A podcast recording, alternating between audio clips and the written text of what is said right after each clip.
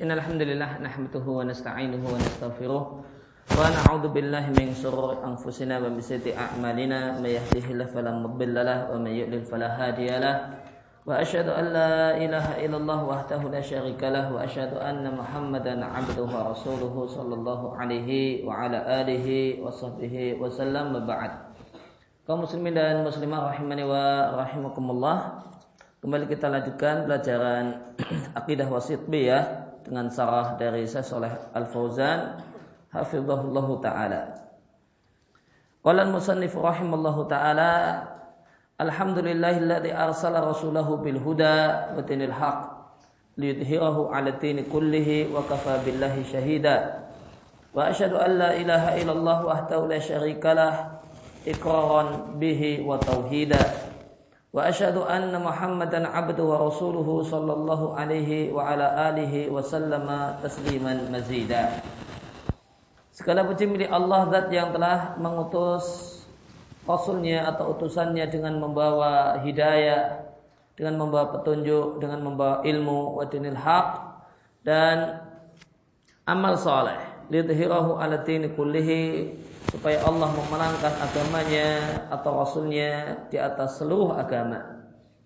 Wa kafabillahi syahida dan cukuplah Allah sebagai saksi. Dan aku bersaksi bahasanya tiada sesembahan yang berada disembah melainkan Allah semata tiada sekutu baginya. Iqraran bihi wa tauhida dan ini adalah e, persaksiannya adalah ikrar e, pernyataan dan pengakuan dan pengisaan. Dan aku bersaksi bahasanya Muhammad adalah hamba dan utusannya. Semoga Allah memberikan sanjungan kepadanya, demikian juga keluarganya. Wassalamu tasliman mazida dan Allah memberikan keselamatan untuk mereka semua dengan keselamatan yang bertambah. Penjelasannya Qala syarih hafizahullah taala eh, penulis membuka Risalah Al-Jalilah buku yang penting ini bihadi khutbah dengan pengantar ini. Muqaddimah itu disebut juga dengan khutbatul kitab. Muqaddimatul kitab Muqaddimah satu buku ya, disebut juga bahasa bahkan boleh jadi malah bahasa yang lebih dulu biasa disebut dengan khutbatul kitab Al-Mustamilah yang mengandung dan isinya adalah memuji Allah dan dua kalimat syahadat. Ditambah demikian juga salat dan salam untuk Rasulnya. Dan ini adalah ta'asian dalam rangka meladani Rasul Sallallahu Alaihi Wasallam dalam perkataan-perkataan beliau dan khutbah-khutbah beliau. Maka sunnah Nabi Shallallahu Alaihi Wasallam dalam surat, dalam tulisan adalah membukanya dengan basmalah. Dan sunnah Nabi Shallallahu Alaihi Wasallam dalam dalam perkataan, dalam ceramah adalah membukanya dengan tahmid. Jika kita lihat surat-surat Nabi Shallallahu Alaihi Wasallam maka dibuka dengan basmalah. Sebagaimana surat Nabi kepada Hirqal dibuka dengan basmalah tanpa tahmid. Sedangkan khutbah-khutbah Nabi Shallallahu Alaihi Wasallam dibuka dengan tahmid tanpa basmalah.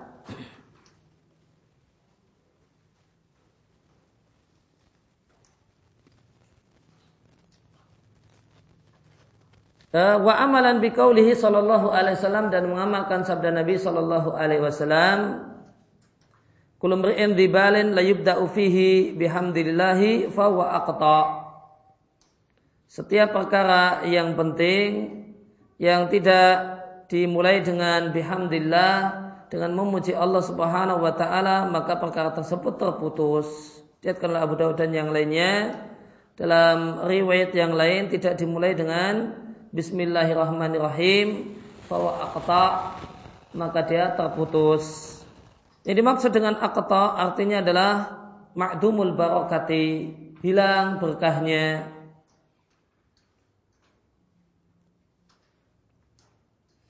Namun hadis ini diperselisihkan ulama eh, apakah dhaif ataukah hasan. Maka sebagian ulama menilai hadis ini derajatnya adalah hasan sebagaimana An-Nawawi di Riyadhus Salihin uh, dan di antara ulama muasirin adalah Sa'ib Ibnu di Kitabul Ilmi. Demikian juga Sa'ib Bas di Majmu' Fatwa beliau menilainya menilai hadis ini tentang dimulai dengan basmalah, pentingnya perkara dimulai dengan basmalah sebagai hadis yang derajatnya hasan. Namun di sisi yang lain ada ulama yang menilai hadis ini adalah hadis yang dhaif, di antaranya adalah Al-Albani. Wa yujma'u baina riwayatain. Dan kita kompromikan dua riwayat ini. Riwayat yang mengatakan pentingnya dibuka dengan basmalah dan riwayat yang mengatakan pentingnya dibuka dengan hamdalah dengan tahmid dengan kita katakan bahasanya dimulai dengan bismillah itulah uh, adalah ibtidak yang hakiki e, dimulai yang betul-betul dimulai. Artinya yang pertama yang betul-betul pertama. Sedangkan dimulai dengan uh, dengan memuji Allah atau bihamdillah adalah nisbiyun idofi. Ya, adalah uh, adalah permulaan yang yang nisbi, yang relatif yaitu permulaan dibandingkan dengan kata-kata setelahnya. Ya, oleh karena itu praktek e, sejumlah ulama sebagaimana kita lihat di sini di perkataan Syekhul Islam Ibnu Taimiyah maka bila buka dengan bismillah setelah itu alhamdulillah maka yang permulaan yang demikian betul-betul permulaan adalah bismillah sedangkan alhamdulillah adalah permulaan ya, dibandingkan dengan isi. Ya, maka dia lebih dulu.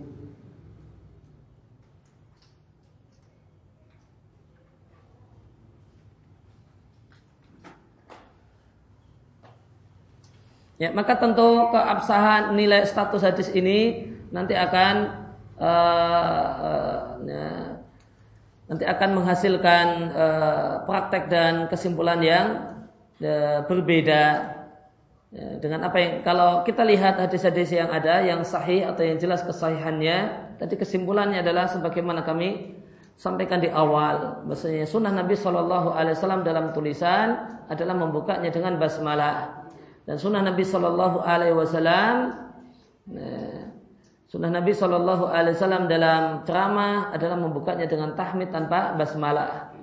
Ini kesimpulan ini jika kita mengesampingkan hadis yang diperselisihkan yang baru saja kita bahas.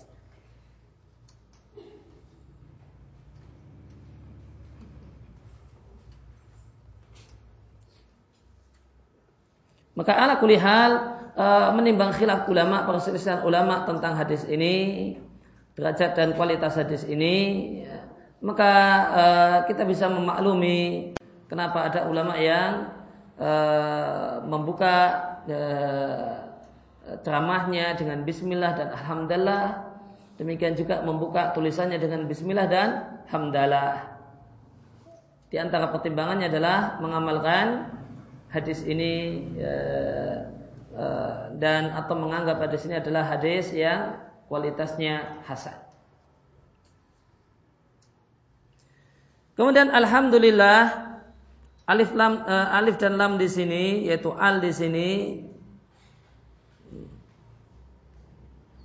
Karena tentang al di alhamdulillah itu terdapat e, beberapa pendapat untuk cara membacanya dan cara menyebutnya.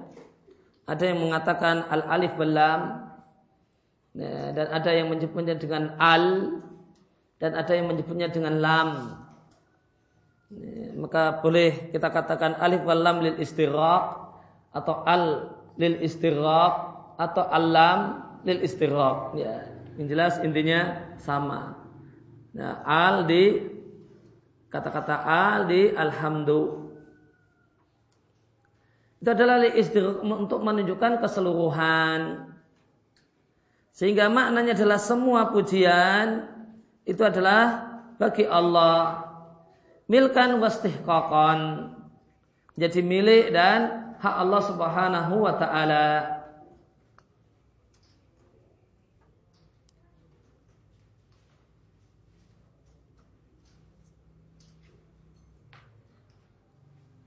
Ya tentang maka di sini dijelaskan bahasanya lam dalam kata-kata lillah itu memiliki dua faedah milkan wastihqaqan kepemilikan dan hak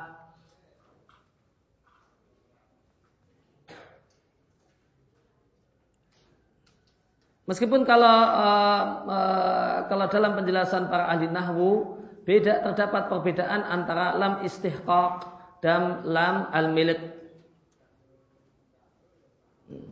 Kalau sesuatu yang dimiliki itu adalah hmm, ya, sesuatu yang dimiliki uh, yang memiliki adalah sesuatu yang berhak untuk uh, memiliki maka kita sebut al-milik Al-baitu li Zaid. Maka itu lamnya li Zaid adalah lam al-milki. Namun kalau kalimatnya adalah al-babu lil bait. Al-bab lil bait. Pintu ini miliknya rumah. Maka lil bait di sini lil istihqaq.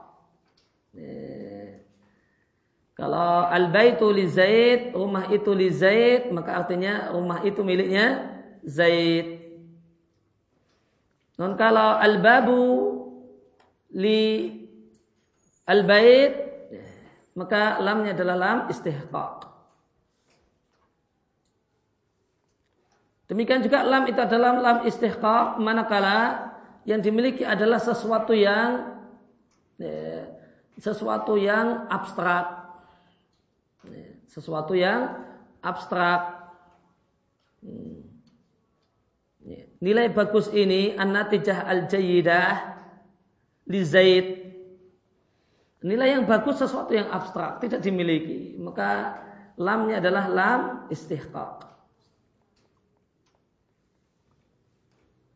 Kalau penjelasan uh, Fauzan untuk lillah, alhamdulillah, lamnya adalah lam milk sekaligus istihqaq.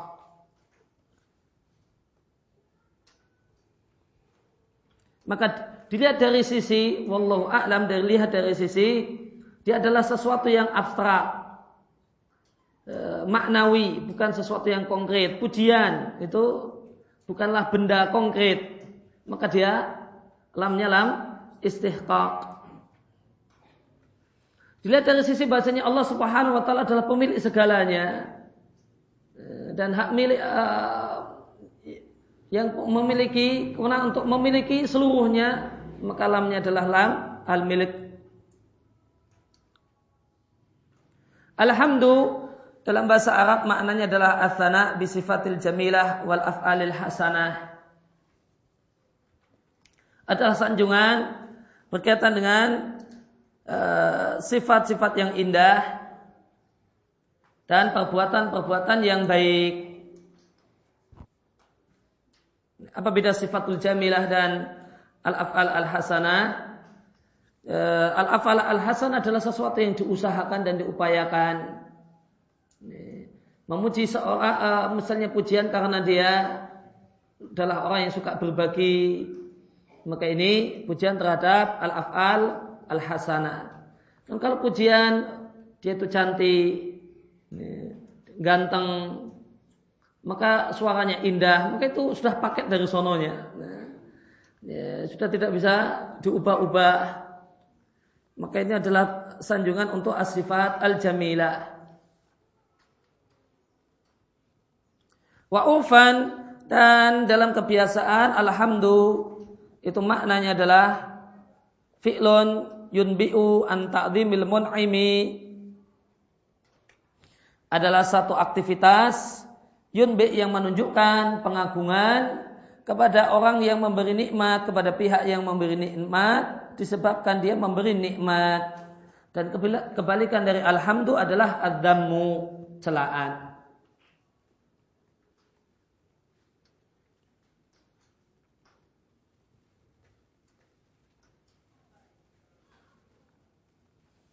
Kemudian tentang lillah telah lewat pembahasan tentang makna tentang lafaz jalalah yaitu lafaz Allah. Allah di arsala rasulahu yang dia mengutus rasulnya.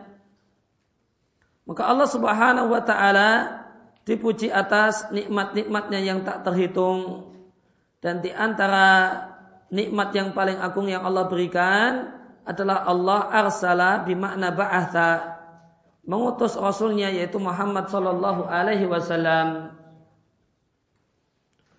Rasul dalam bahasa Arab maknanya adalah man bu'itha birisalatin. Orang yang diutus untuk membawa satu pesan. Secara syariat adalah insanun manusia, artinya tidak ada rasul dari bangsa jin. Yang ada di tengah-tengah bangsa jin hanyalah al-mungdir. Uh, hanyalah adai, dai saja dan tidak ada rasul yang Allah angkat dari bangsa jin. Dan ini menunjukkan lebih mulianya manusia daripada jin. Secara ya, secara uh, jenis. Ya, maka secara global manusia lebih mulia daripada jin. Karena tidak ada rasul dari bangsa jin, semua rasul dari bangsa manusia.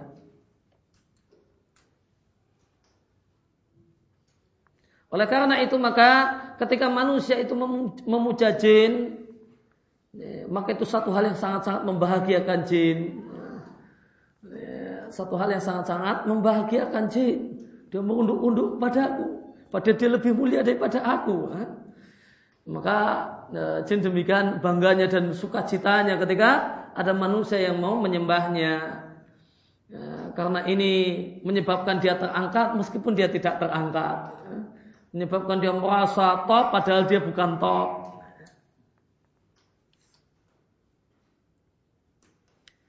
Wa insanun dakaron dia ada berjenis kelamin laki-laki, tidak ada rasul dari kalangan perempuan. Dan ini adalah di antara hal yang menunjukkan bahasanya laki-laki lebih afdal daripada perempuan min haisul jins. Dari sisi jenis. Dari sisi uh, institusi bukan dari sisi anggota. Hmm. Dari sisi institusinya bukan anggotanya. Uh, karena tentu betapa banyak perempuan yang uh, yang lebih mulia daripada banyak laki-laki. Aisyah lebih afdol daripada ratusan dan ribuan laki-laki. Radallahu anha. Uhiya ilaihi yang mendapatkan wahyu bisyara'in dan wahyu tersebut berisi syariat, aturan, perintah dan larangan. Wa umira bitablirihi dan dia diperintahkan untuk mendakwahkannya kepada orang yang menyelisihinya. Kepada orang kafir. Beda dengan nabi yang dakwahnya ditujukan kepada orang-orang yang sesama dengannya sejenis dengannya yaitu orang-orang yang beriman. Sama-sama mendapatkan wahyu. Namun nabi itu dakwahnya adalah kepada orang-orang yang beriman sedangkan rasul dakwahnya melebar kepada orang-orang kafir.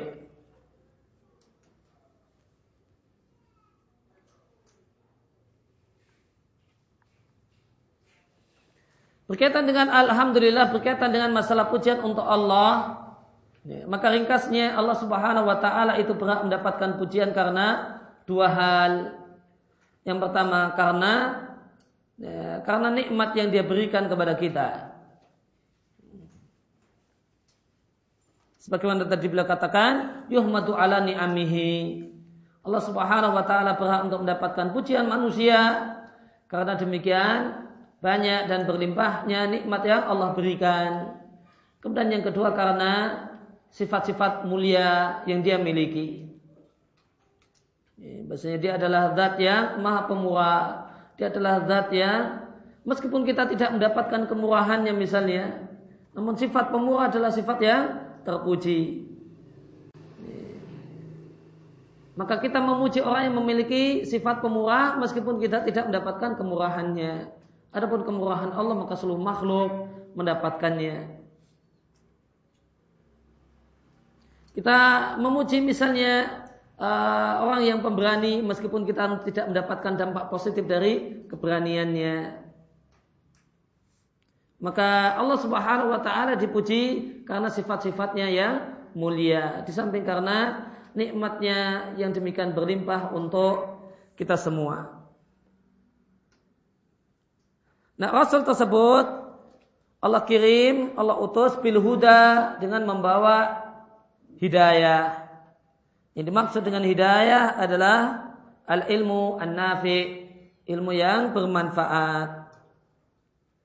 Yang, yang dan yang dimaksud dengan hidayah atau yang dimaksud dengan ilmu yang manfaat adalah semua yang berasal dari Nabi Shallallahu Alaihi Wasallam berupa berita-berita yang benar yang sesuai dengan kenyataan dan tidak mengada-ada. Wal awamir wan nawahi demikian juga berbagai macam perintah dan larangan.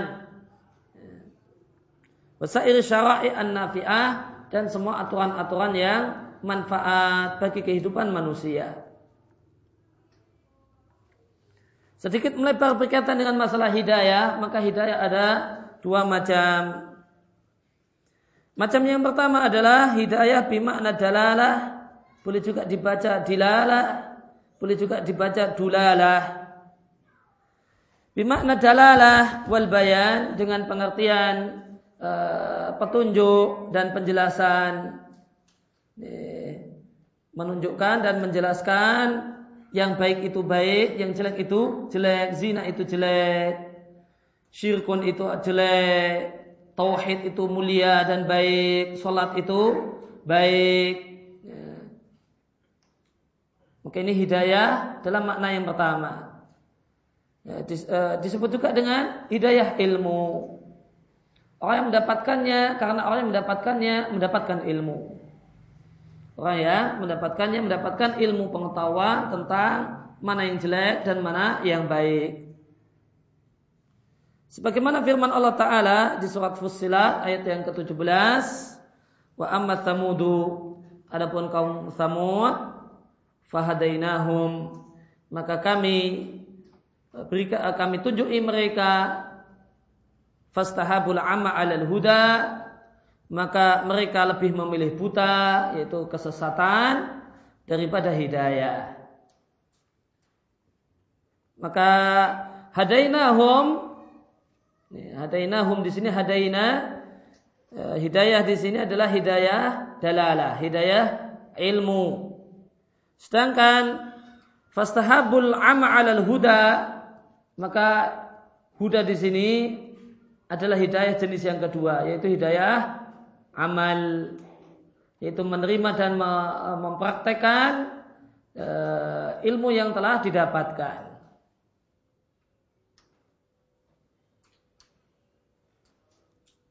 Maka dalam surat Fusilat ayat yang ke-17 ini terkandung dua jenis hidayah sekaligus.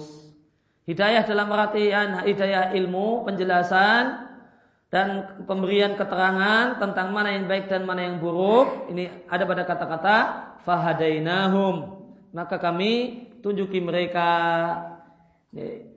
tauhid itu baik, syirik itu bahaya dan buruk.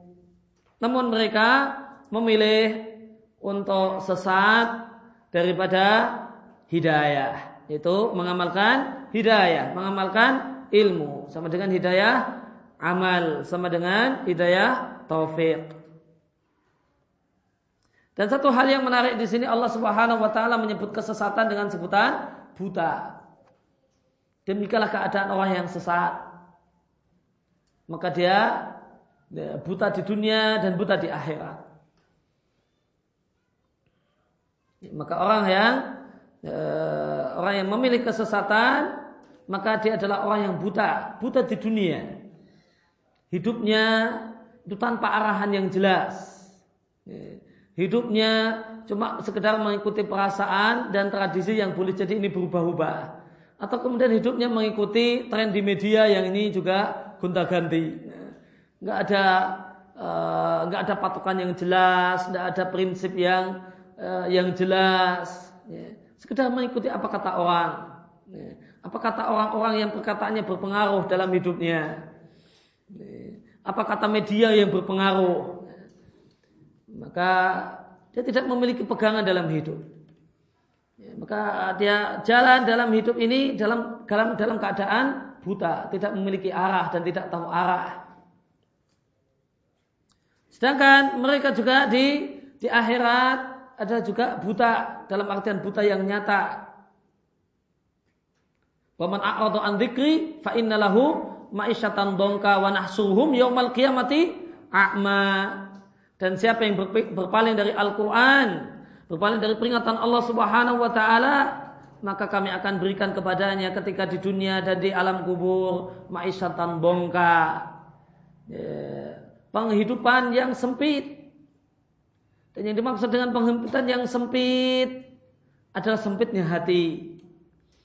Adalah sempitnya hati ketika hidup di dunia dan sempit eh, dan kehidupan yang sempit di alam kubur, di alam barzah adalah seksa kubur. Maka siapa yang berpaling dari Al-Quran, maka kami akan berikan kepadanya penghidupan yang sempit.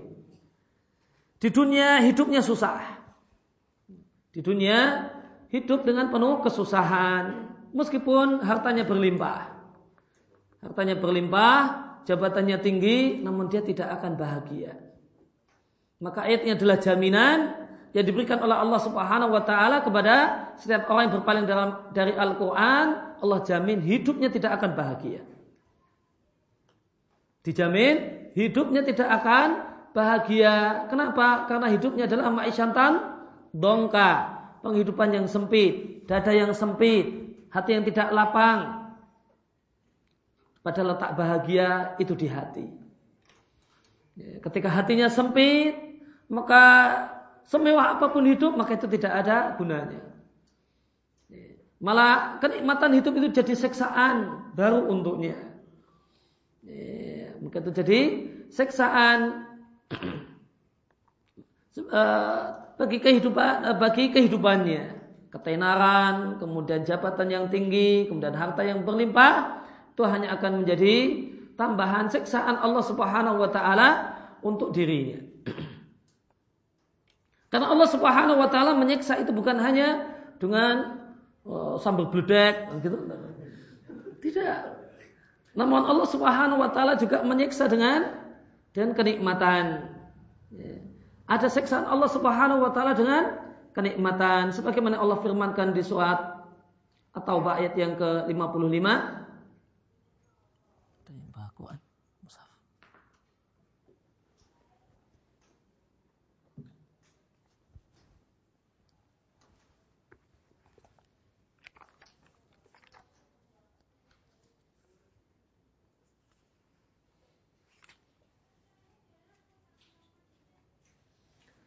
Maka Allah Subhanahu wa taala menyiksa manusia itu dengan harta. Sebagaimana Allah tegaskan di surat At-Taubah ayat yang ke-55 Allah katakan fala tu'jibuka amwaluhum wala auladuhum. Janganlah kamu terkagum-kagum, terheran-heran dengan harta mereka yang berlimpah. Anak mereka yang eh, yang banyak, pengikut mereka yang demikian hebat, demikian berlimpah. Jangankan kagum dengan jumlah yang banyak, dengan pengikut yang banyak, dengan harta yang berlimpah yang Allah berikan kepada orang-orang yang sesat. Allah berikan kepada orang-orang yang berpaling dari Al-Quran, berpaling dari peringatan Allah Subhanahu wa taala, innama yuridullahu liyu'adzibahum biha fil hayati dunya. Allah ingin menyiksa mereka dengan harta mereka. Innama tidak lain, tidak ada tujuan dan Allah berikan harta yang berlimpah kepada orang-orang kafir. Allah berikan kepada harta yang berlimpah kepada orang-orang yang tidak mau berpegang teguh dengan Quran dan Sunnah. Tidaklah ada tujuan. Innama. Hanyalah tujuannya. Yuridullah liyu'adzibahum biha fil hayati dunia. Allah ingin menyiksa mereka dengan harta. Allah ingin mengazab mereka dengan harta. Fil hayati dunia. Ini siksaan di dunia siksaan di dunia. Maka Allah kirimkan harta yang berlimpah di dunia sebagai siksaan untuk mereka. Sebagai azab. Allah tegas mengatakan. Ada azab dengan harta yang berlimpah. Dan kenapa diseksa dengan harta? Supaya dia mantap dengan kekafirannya sehingga mati kafir itu e, terus mengikuti dirinya dan bersamanya sampai dia mati bahum kafirun dan matilah mereka dalam keadaan kafir. Maka harta yang berlimpah yang Allah berikan kepada orang-orang yang jauh dari Al-Quran, orang-orang yang meninggalkan Al-Quran, orang-orang yang meninggalkan peringatan yang datang dari Allah Subhanahu wa taala, itu tujuannya adalah azab ketika mereka hidup. Dan kenapa azabnya kok bukan azab musibah sambil bedek atau apa? Supaya mantap dengan kafir sehingga mati pun masih kafir. Dan matilah mereka dalam keadaan mereka itu kafir. Masih berpegang teguh dengan kekafirannya. Maka Allah tegas menyatakan di sini azab. Dan azab itu dengan harta yang berlimpah. Maka harta yang berlimpah itu tidak ada hubungannya dengan dengan kebahagiaan. Dengan kebahagiaan Orang yang berpaling dari Al-Quran, Allah berikan padanya ma'isatan dongka. Kehidupan yang sempit ketika di dunia. Meskipun hartanya kaya. Iya, meskipun hartanya kaya. Meskipun tenar, ya, diburu orang untuk cari tanda tangannya. Ya, meskipun tenar.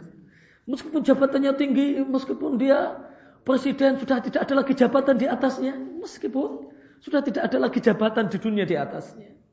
Itu belum tentu adalah, itu bukan jaminan kenikmatan hidup, kebahagiaan hidup. Boleh jadi orang itu mendapatkan itu semua, namun hidupnya adalah ma'isyatan tongka. Kehidupan yang sempit, karena dada yang sempit, ya, karena tidak ada kelapangan hati.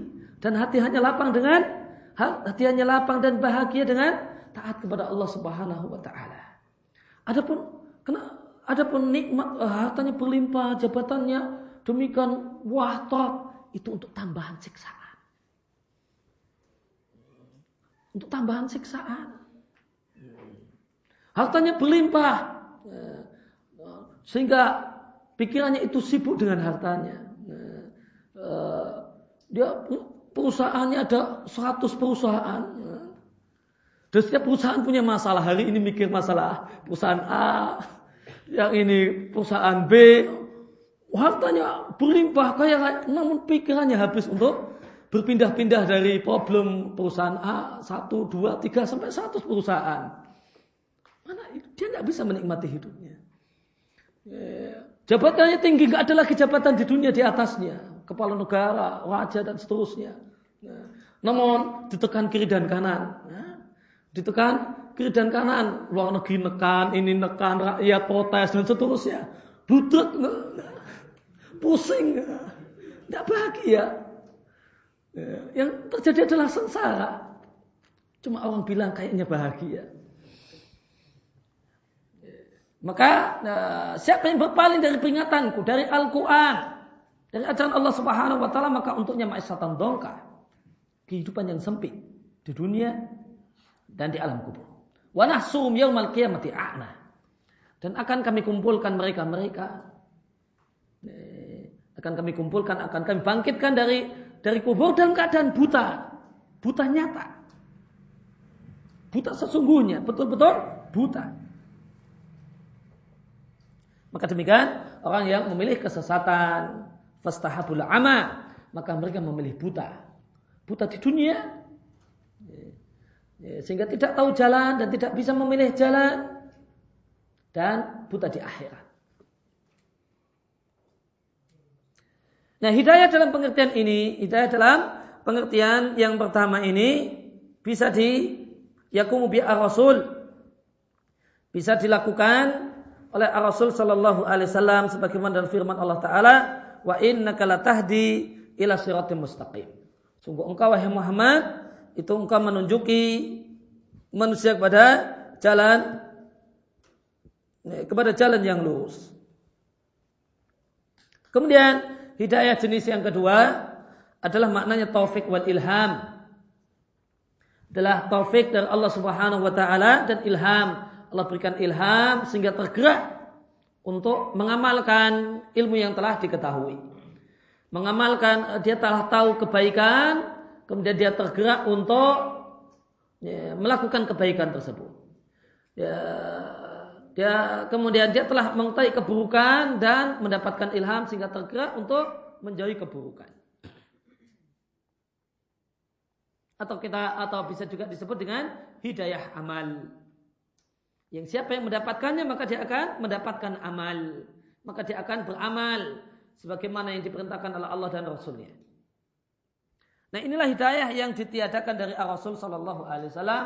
Demikian juga manusia yang lain. Karena hidayah ini layak dir alaihi tidaklah bisa diwujudkan kecuali oleh Allah Taala. Sebagaimana firman Allah Taala, Inna kala tahdi man ahbabta walakin Allah yahdi man yasha. Sesungguhnya engkau tidaklah memberikan, tidak bisa memberikan hidayah kepada orang-orang yang kau cintai. Akan tapi Allah Subhanahu wa taala memberikan hidayah kepada siapa saja yang Dia kehendaki. Tentang ahbab tadi sini ada dua penafsiran. Yang pertama adalah ahbab ta hidayah tahu dan yang kedua adalah ahbab ta sakhsohu. Sehingga engkau wahai Muhammad engkau tidaklah memberikan bisa memberikan hidayah kepada man ahbabta hidayatahu. Orang-orang yang kau inginkan agar dia mendapatkan hidayah.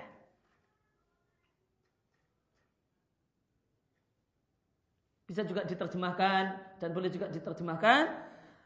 Wahai Muhammad, sebenarnya engkau tidak akan bisa memberikan petunjuk kepada orang-orang yang kau cintai dirinya. Orang-orang yang engkau mencintainya. Engkau mencintai pribadinya. Engkau mencintai perasaan dan dirinya. Karena hidayah adalah semata-mata di tangan Allah Subhanahu wa taala.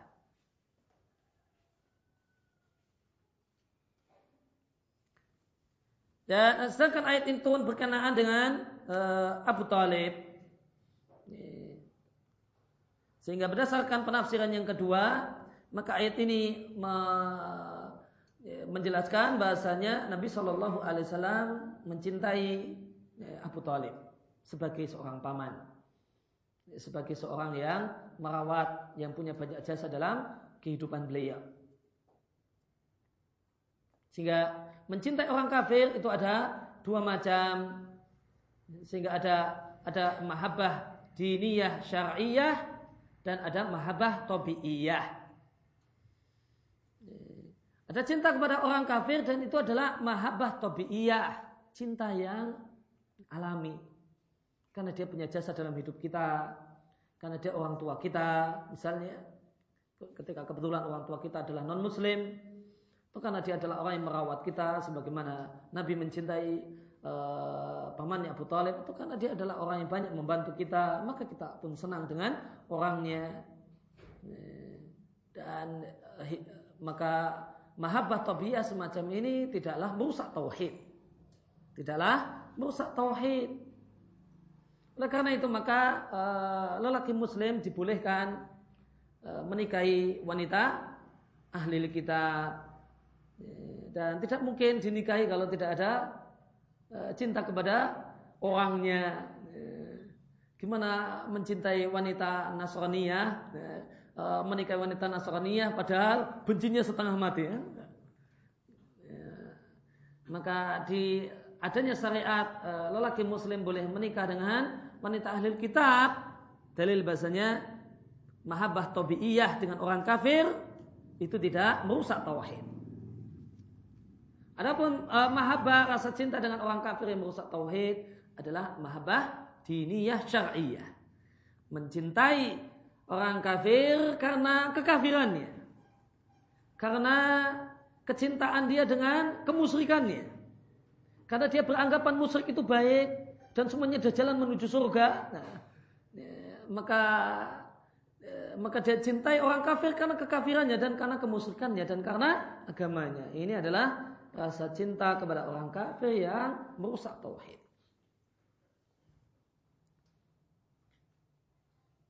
Wadinil haq dan, yang dimaksud dengan dinil haq adalah al amalu saleh, adalah amal saleh. Maka Allah Subhanahu wa taala mengutus Rasulnya Muhammad sallallahu alaihi wasallam dengan membawa dua hal. Yang pertama adalah al-huda, yaitu maknanya adalah ilmu nafi, ilmu yang bermanfaat. Kemudian namun agama itu bukan hanya sekedar teori berupa aturannya, aturan dibuat untuk dilanggar. Eh, kemudian eh, berita disampaikan untuk kemudian diayeli. Namun dinil hak dilanjutkan dengan dinil hak amal soleh. Sehingga perintah dan larangan yang merupakan al-huda itu harus dipraktekkan. Eh, perintah dan larangan yang merupakan al-huda itu harus diamalkan. Sehingga berita benar, berita yang yang sesuai dengan kenyataan baik tentang masa lalu ataupun masa yang akan datang kemudian diimani dan diyakini. Sehingga agama bukan hanya sekedar sebatas teori dan wacana, namun uh, dan uh, diamalkan dalam bentuk mengamalkan berita dengan bentuk meyakini benarnya berita. Mengamalkan perintah dan larangan dengan taat kepada perintah dan larangan, mentaati perintah dengan menjalankan apa yang diperintahkan dan mentaati larangan dengan menjauhi hal-hal yang dilarang.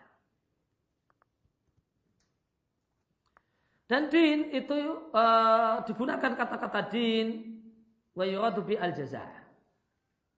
Dan terkadang digunakan kata-kata din dan maknanya adalah balasan sebagaimana firman Allah taala maliki yaumiddin. Dia Allah sang pemilik hari pembalasan. Dan dan digunakan juga kata-kata din dan yang dimaksudkan adalah al khudu wal inqiyad, ketundukan dan kepatuhan. Berkaitan dengan dinil haq, di sini ada idofah, mudhaf dan mudhaf ilaih. E, di idofakannya din kepada al-haq, ini adalah idofah mausuf kepada sifat. Karena makna dinil haq adalah ad-din al-haq. Na'ad dan man'ud, sifat dan mausuf. Agama yang hak, agama yang benar, agama yang betul-betul agama. Dan hak adalah masdar dari kata-kata haqqa ya huku yang maknanya adalah sabata wa wajaba. Sesuatu yang eksis.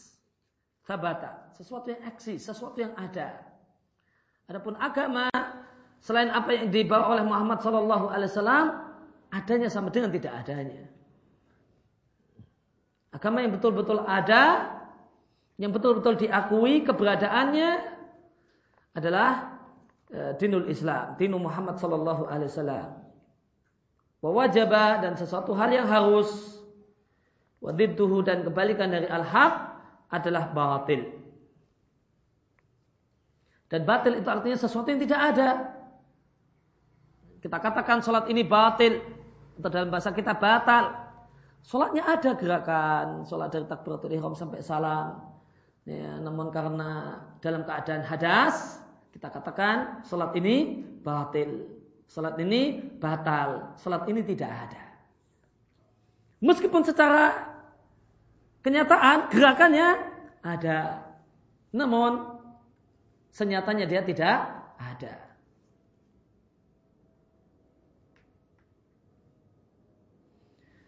Ya berkaitan dengan makna uh, dengan berkaitan uh, terkait dengan makna adin. Maka ingin saya bacakan Sarah Fadlul Islam eh, karya sesoleh al-Syekh. Ketika beliau menjelaskan tentang makna din ya, beliau mengatakan bahasanya din adalah kuluma yadinu bi annas segala sesuatu yang orang itu beragama dengannya wa ilfan lahum wa daidanan lahum. Dan segala sesuatu yang seorang itu menjadikannya sebagai satu kebiasaan. Dan menjadikannya sebagai sesuatu hal yang dia gembar-gemborkan. Wawa fi aslihi. Dan kata-kata din itu makna asalnya atau akar katanya makhudun min daidan. Din itu akar katanya dari kata-kata daidan. Daidan itu artinya gembar-gembor. Yang diomongkan setiap hari. Yang diucapkan setiap hari.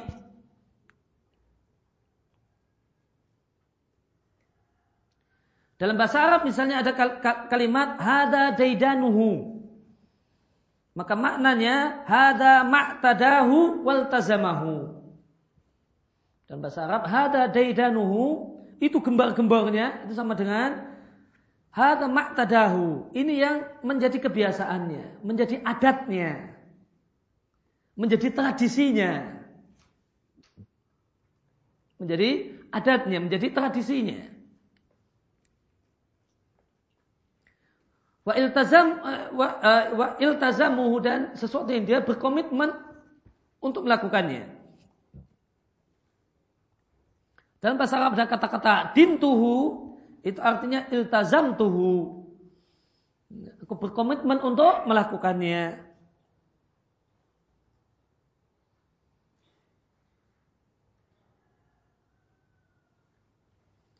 Itu maknanya secara bahasa sebagaimana ditegaskan uh, di sejumlah uh, kitab kamus di lisanul Arab disebutkan ad-dinu al-adah. Din dalam bahasa Arab itu artinya tradisi. Adalah al-adah, adat kebiasaan.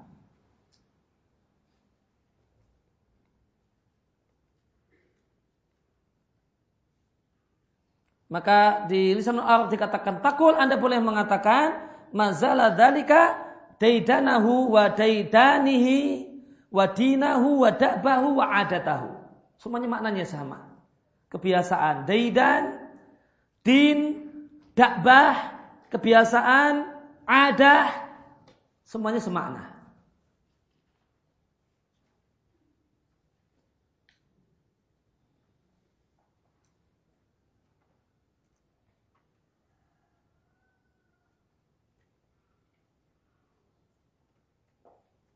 Ya, maka uh, din secara bahasa itu maknanya ditegaskan penulis oleh, oleh penulis lisanul Arab adalah al-adah, tradisi. Kebiasaan, adat istiadat. Kemudian uh, kembali kepada perkataan sesolah al-syekh beliau katakan ya, maka din itu disebut din karena seorang berkomitmen untuk melakukannya multazam bihi. Demikian juga din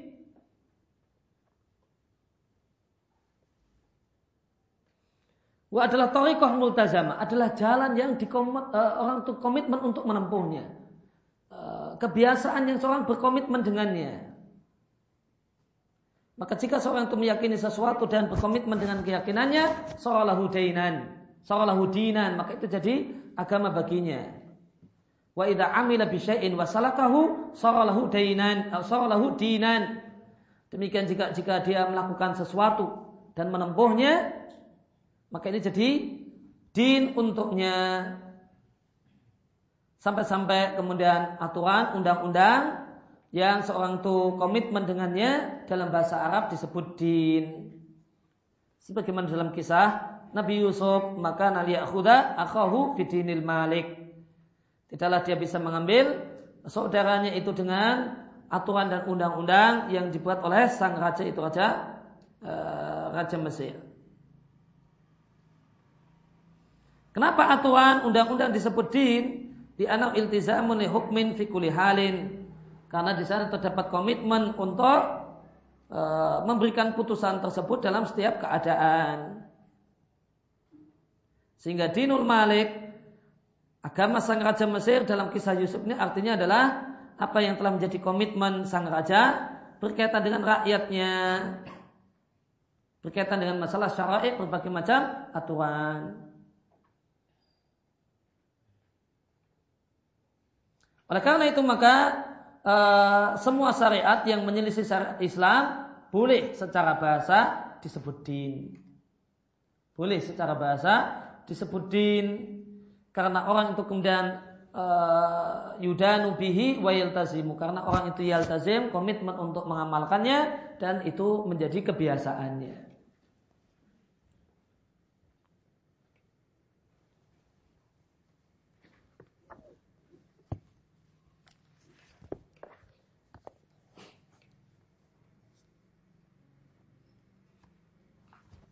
Ya, maka uh, Makna bahasa yang menjadi pelajaran penting di, di sini, makna bahasa untuk din itu adalah kebiasaan. Al-adah.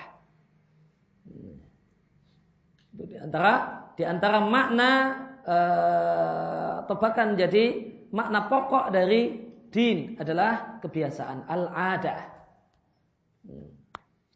Nah, karena itu sebagian orang maka adat dengan agama itu dekat. Budaya dalam artian budaya, adat kebiasaan, adat istiadat dengan din, dengan agama itu dekat. Oh itu sekedar budaya, hati-hati. Itu sekedar budaya ataukah itu din? Nah itu mirip. Jika itu ini sekedar budaya, apa budaya? Maka kita tanyakan, ini budaya ini untuk apa dilakukan? Untuk mencari kebahagiaan hidup di akhirat? Nah, itu din. Ini budaya. Ini budaya masyarakat, Mas. Budaya masyarakat tersebut dilakukan oleh orang yang melakukannya untuk apa? Cari pahala? Mendekatkan diri kepada Allah? Iya. Nah, itu din namanya. Itu namanya din. Eh, itu namanya din.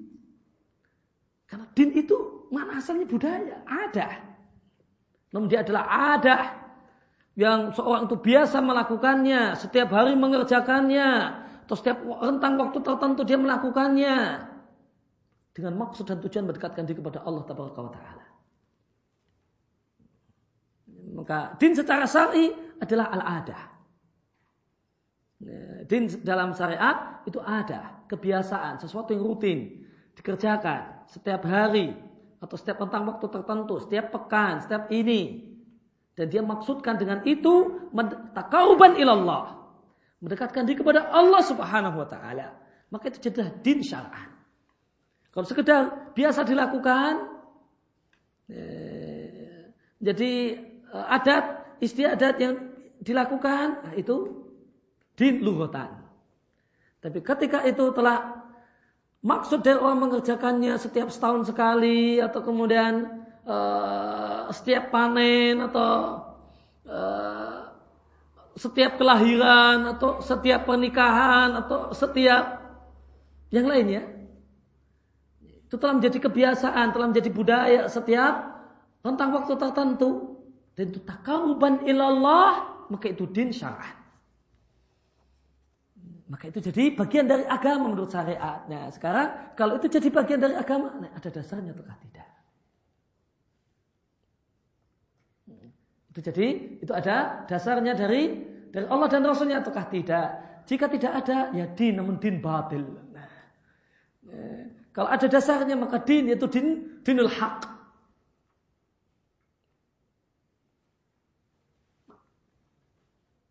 Liyudhirahu ala dini kulli.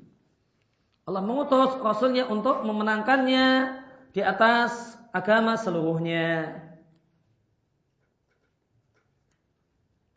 Lidhirahu di uh, hak domir di sini boleh kita maknakan kembali kepada Rasul dan boleh kita maknakan kepada din. Supaya Allah memenangkan agamanya atau supaya Allah memenangkan Rasulnya di atas seluruh agama. Sehingga kalimat ini dalil bahasanya semua agama di luar Islam boleh disebut din. Semua agama di luar Islam itu disebut din. Meskipun itu adalah agama kemusyrikan, eh, agama orang bilang agama bikinan manusia, maka itu semuanya bisa bisa disebut din. Lughatan.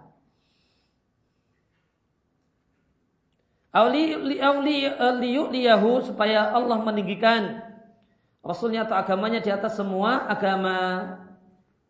Boleh jadi Allah tinggikan bil hujah wal bayan atau bil jihad. Terkadang Allah tinggikan dan Allah muliakan dengan hujah wal bayan. Dengan argumen dan penjelasan. Artinya dengan ilmu. Dan ini yang pasti. Dan ini yang pasti. Islam itu tinggi di atas seluruh agama yang lain dengan ilmu. Kemudian yang kedua atau wal jihad dengan jihad. Dan ini tidak mesti. Terkadang di satu waktu Allah Subhanahu wa taala memuliakan dan memenangkan Islam secara militer dan secara secara fisik. Namun ini tidak mesti. Yang pasti adalah Allah tinggikan agamanya bil hujah wal bayan dengan ilmu, dengan argumen dan dengan penjelasan. Sehingga Allah Subhanahu wa taala memenangkan sang rasul Sehingga unggul di atas orang-orang yang menyelisihinya min ahlil ardi dari penduduk bumi. Baik dari orang Arab ataupun orang Ajam, baik miliyin, orang yang punya milah, ataupun musyrikin. Ataupun orang-orang musyrik, orang-orang yang punya agama dan agamanya adalah agama yang asal muasalnya datang dari Allah Subhanahu wa taala, miliyin atau ahli kitab, ataukah ya, agamanya adalah agama bikinan manusia, bikinan sendiri, yaitu musyrikin. Dan ini telah terjadi eh, fa'inal muslimin karena kaum muslimin telah berjihad ya, filahi karena Allah dengan sebenarnya jihad sehingga meluaslah wilayah negeri Islam di masa silam dan tersebarlah ya, eh, agama Islam fil masyarik wal magharib di ya, di membentang dari timur ke barat membentang dari timur ke barat demikianlah persebaran Islam dari timur ke barat dan tidak ke utara dan ke selatan. Membentang dari timur ke barat sebagaimana yang Allah janjikan kepada nabinya. Ketika Allah Subhanahu wa taala melipat bumi untuk Nabi kita Muhammad sallallahu alaihi wasallam, maka Allah lipatkan bumi dari sisi timur dan barat dan Allah sampaikan umatmu akan tersebar di sini. Wakafa bilahi syahida dan cukuplah Allah sebagai saksi tentang benarnya Rasul Sallallahu Alaihi Wasallam sebagai utusan Allah. Artinya syahidan menjadi saksi bahasanya eh, Muhammad adalah betul-betul utusannya dan menjadi saksi dalam pengertian mengetahui semua perbuatannya dan menjadi saksi dalam artian menolongnya untuk menghadapi musuh-musuhnya. Maka di sini terdapat dalil tegas akan kebenaran Rasul Shallallahu Alaihi Wasallam karena seandainya beliau muftarian berdusta mengaku-ngaku sebagai utusan Allah padahal bukan utusan Allah niscaya Allah akan menyegerakan hukuman untuknya. Kama qala ta'ala sebagaimana firman Allah taala walau taqawwala alaina ba'dul aqawil seandainya Muhammad itu mengada-ada. Ya, eh, berkata-kata alaina dengan mencopot nama kami ba'dul akawil meskipun sebagian perkataan. Ketika dia mencomot men, mencomot nama kami, aku adalah utusan Allah padahal bukan. Atau dia kemudian ngarang Al-Qur'an, ngarang wahyu yang tidak Allah uh, ajarkan la akhadna minhu bil yamin. Niscaya kami akan uh, pegang dengan tangan kanan kami. Kemudian kami akan potong urat lehernya.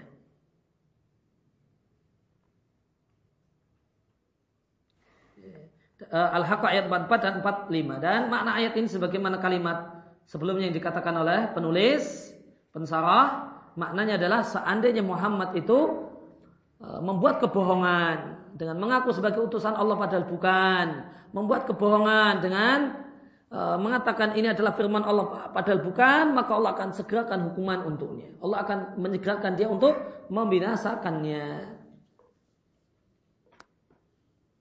Maka kata-kata la'ajalahullah bil ukubah ini satu hal yang penting. Insya Allah akan segerakan hukuman untuknya. Allah akan segerakan untuk membinasakannya dan tidak menunggu sampai uh, berlarut-larut. Dan demikianlah sunatullah atau Allah Subhanahu wa taala untuk setiap orang yang mengaku-ngaku jadi nabi padahal bukan. Maka dia telah uh, setelahnya kedoknya itu terbongkar ketika dia masih hidup. Semua orang ngerti kemudian dia Allah permalukan. Ya, Allah permalukan sehingga orang mengerti bahasanya dia adalah seorang yang kata, seorang yang pendusta.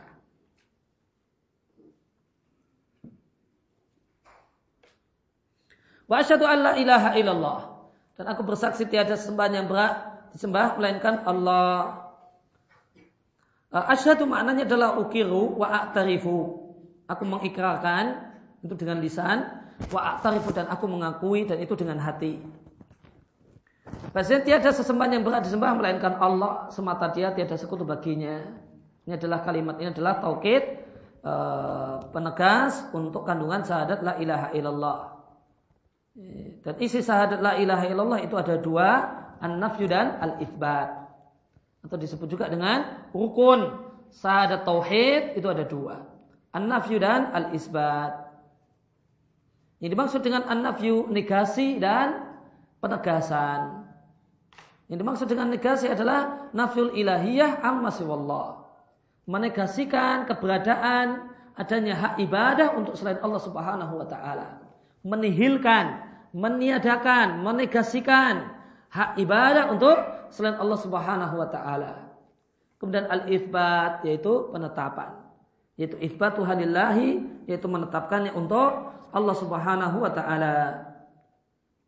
Wahdah adalah taukid untuk itsbat dan la syarikalah adalah taukid untuk an-nafyu. Maka wahdah itu untuk uh, illallah sedangkan la syarikalah itu untuk la ilaha.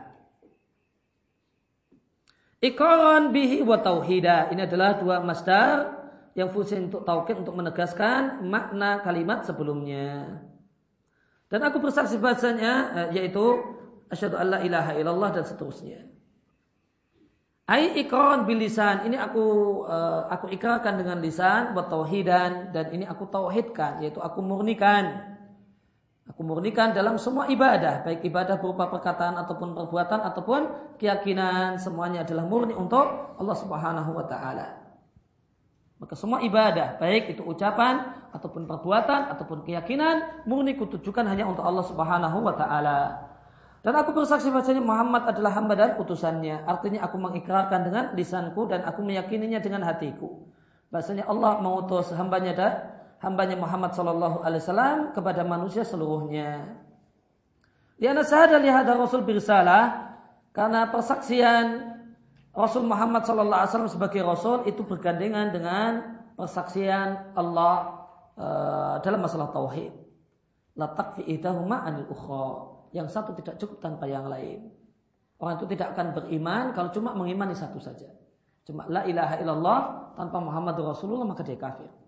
Muhammad Rasulullah namun tidak la ilaha illallah juga kafir. Oleh karena itu, saya Muhammad bin Abdul Wahab di kasus Subahat mengatakan bahasanya orang-orang Yahudi itu mengirkakan uh, kalimat tauhid, la ilaha illallah. Mereka menerima la ilaha illallah, namun mereka kafir karena mereka tidak menerima syahadat kerasulan. Mereka kafir, orang Yahudi Madinah itu kafir bukan karena uh, problem di la ilaha illallah. Mereka menerima la ilaha illallah. Namun problemnya adalah di Muhammadur Rasulullah.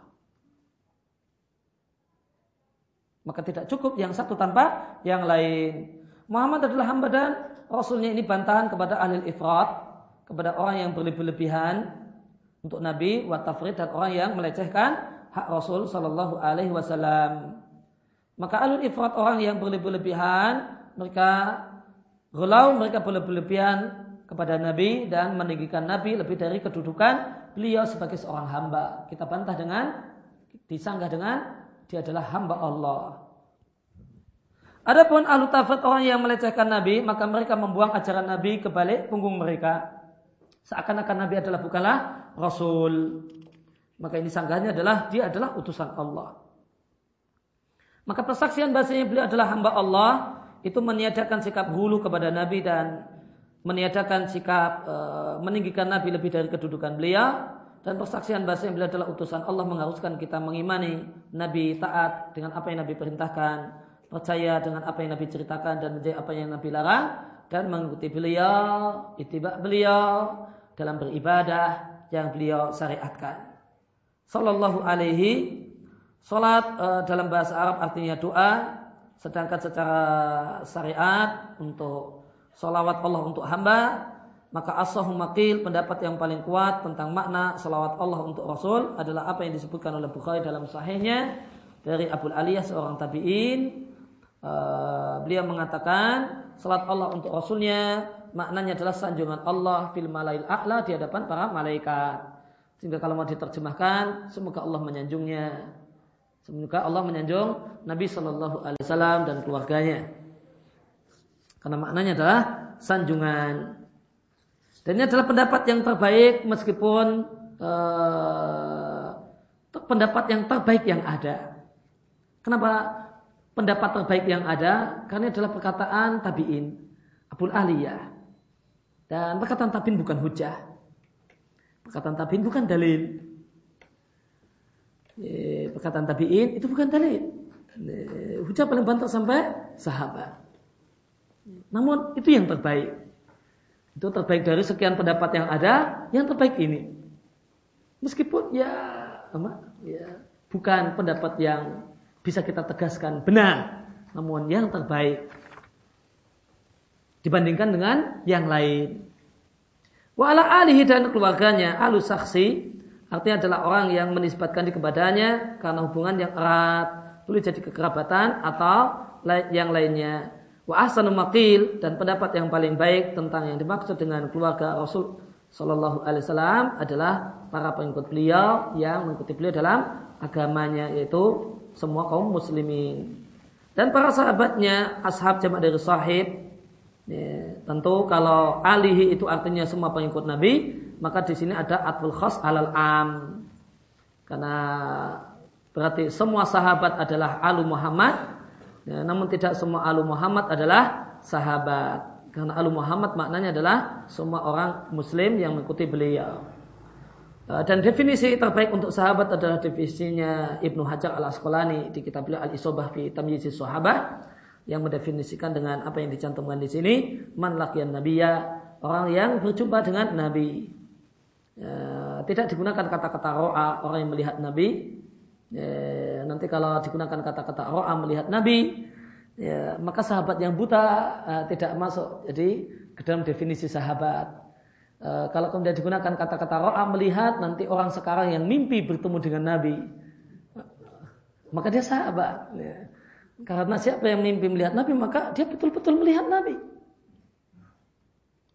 Uh, mukminan bihi dan saat berjumpa dengan Nabi dia adalah orang yang beriman, wa mata ala dalik dan mati dalam keadaan beriman meskipun diselai kekafiran.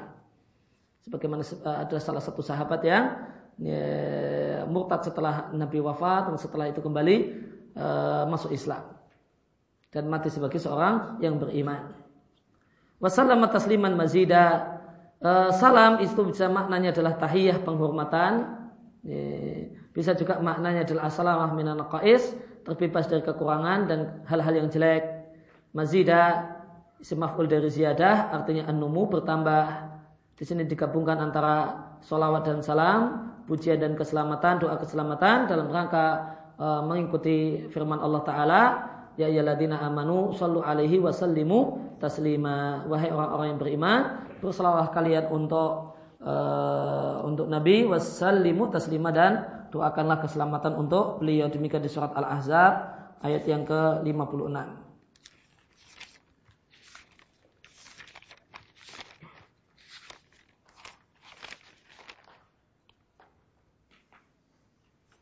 Uh, sebelum kita akhiri berkaitan dengan kemarin beda antara Rahman dan Ar-Rahim, uh, di mana kalau pendapat yang dipilih oleh uh, Sasalah Fauzan, Rahim itu adalah rahmat yang khusus untuk orang-orang yang beriman, dengan berdalil dengan maka Nabi Mukminin rahimah e, maka di antara alasan yang menunjukkan kurang kuatnya pendapat ini adalah firman Allah di surat Al-Baqarah ayat yang ke-143 e, di antara dalil yang menunjukkan kurang kuatnya pendapat ini adalah firman Allah di surat Al-Baqarah ayat yang ke-143 di mana e, di sana dikatakan innallaha bin nasi la rahim Innallaha bin nasi rahim. Sini Allah rahim bin nas. Dan ini pakai kata-kata anas. Bukan kata-kata al-mu'minin, namun pakai kata-kata anas, semua manusia. Allah rahim terhadap semua manusia. Ya, sehingga nggak pas kalau rahim itu adalah rahmat yang khusus untuk orang-orang yang beriman saja. Namun ternyata Allah gunakan kata-kata rahim dan ini ditujukan kepada semua manusia. Sehingga uh, ini di antara alasan yang menguatkan uh, penjelasan Ibnul Qayyim bahasanya rahim itu adalah rahmat Allah sebagai perbuatan. Allah menyayangi orang-orang yang berat disayangi. Boleh jadi manusia secara umum ataukah orang-orang beriman ya secara lebih khusus. Demikian sallallahu ala nabiyina Muhammadin wa ala alihi wa wasallam. Alhamdulillah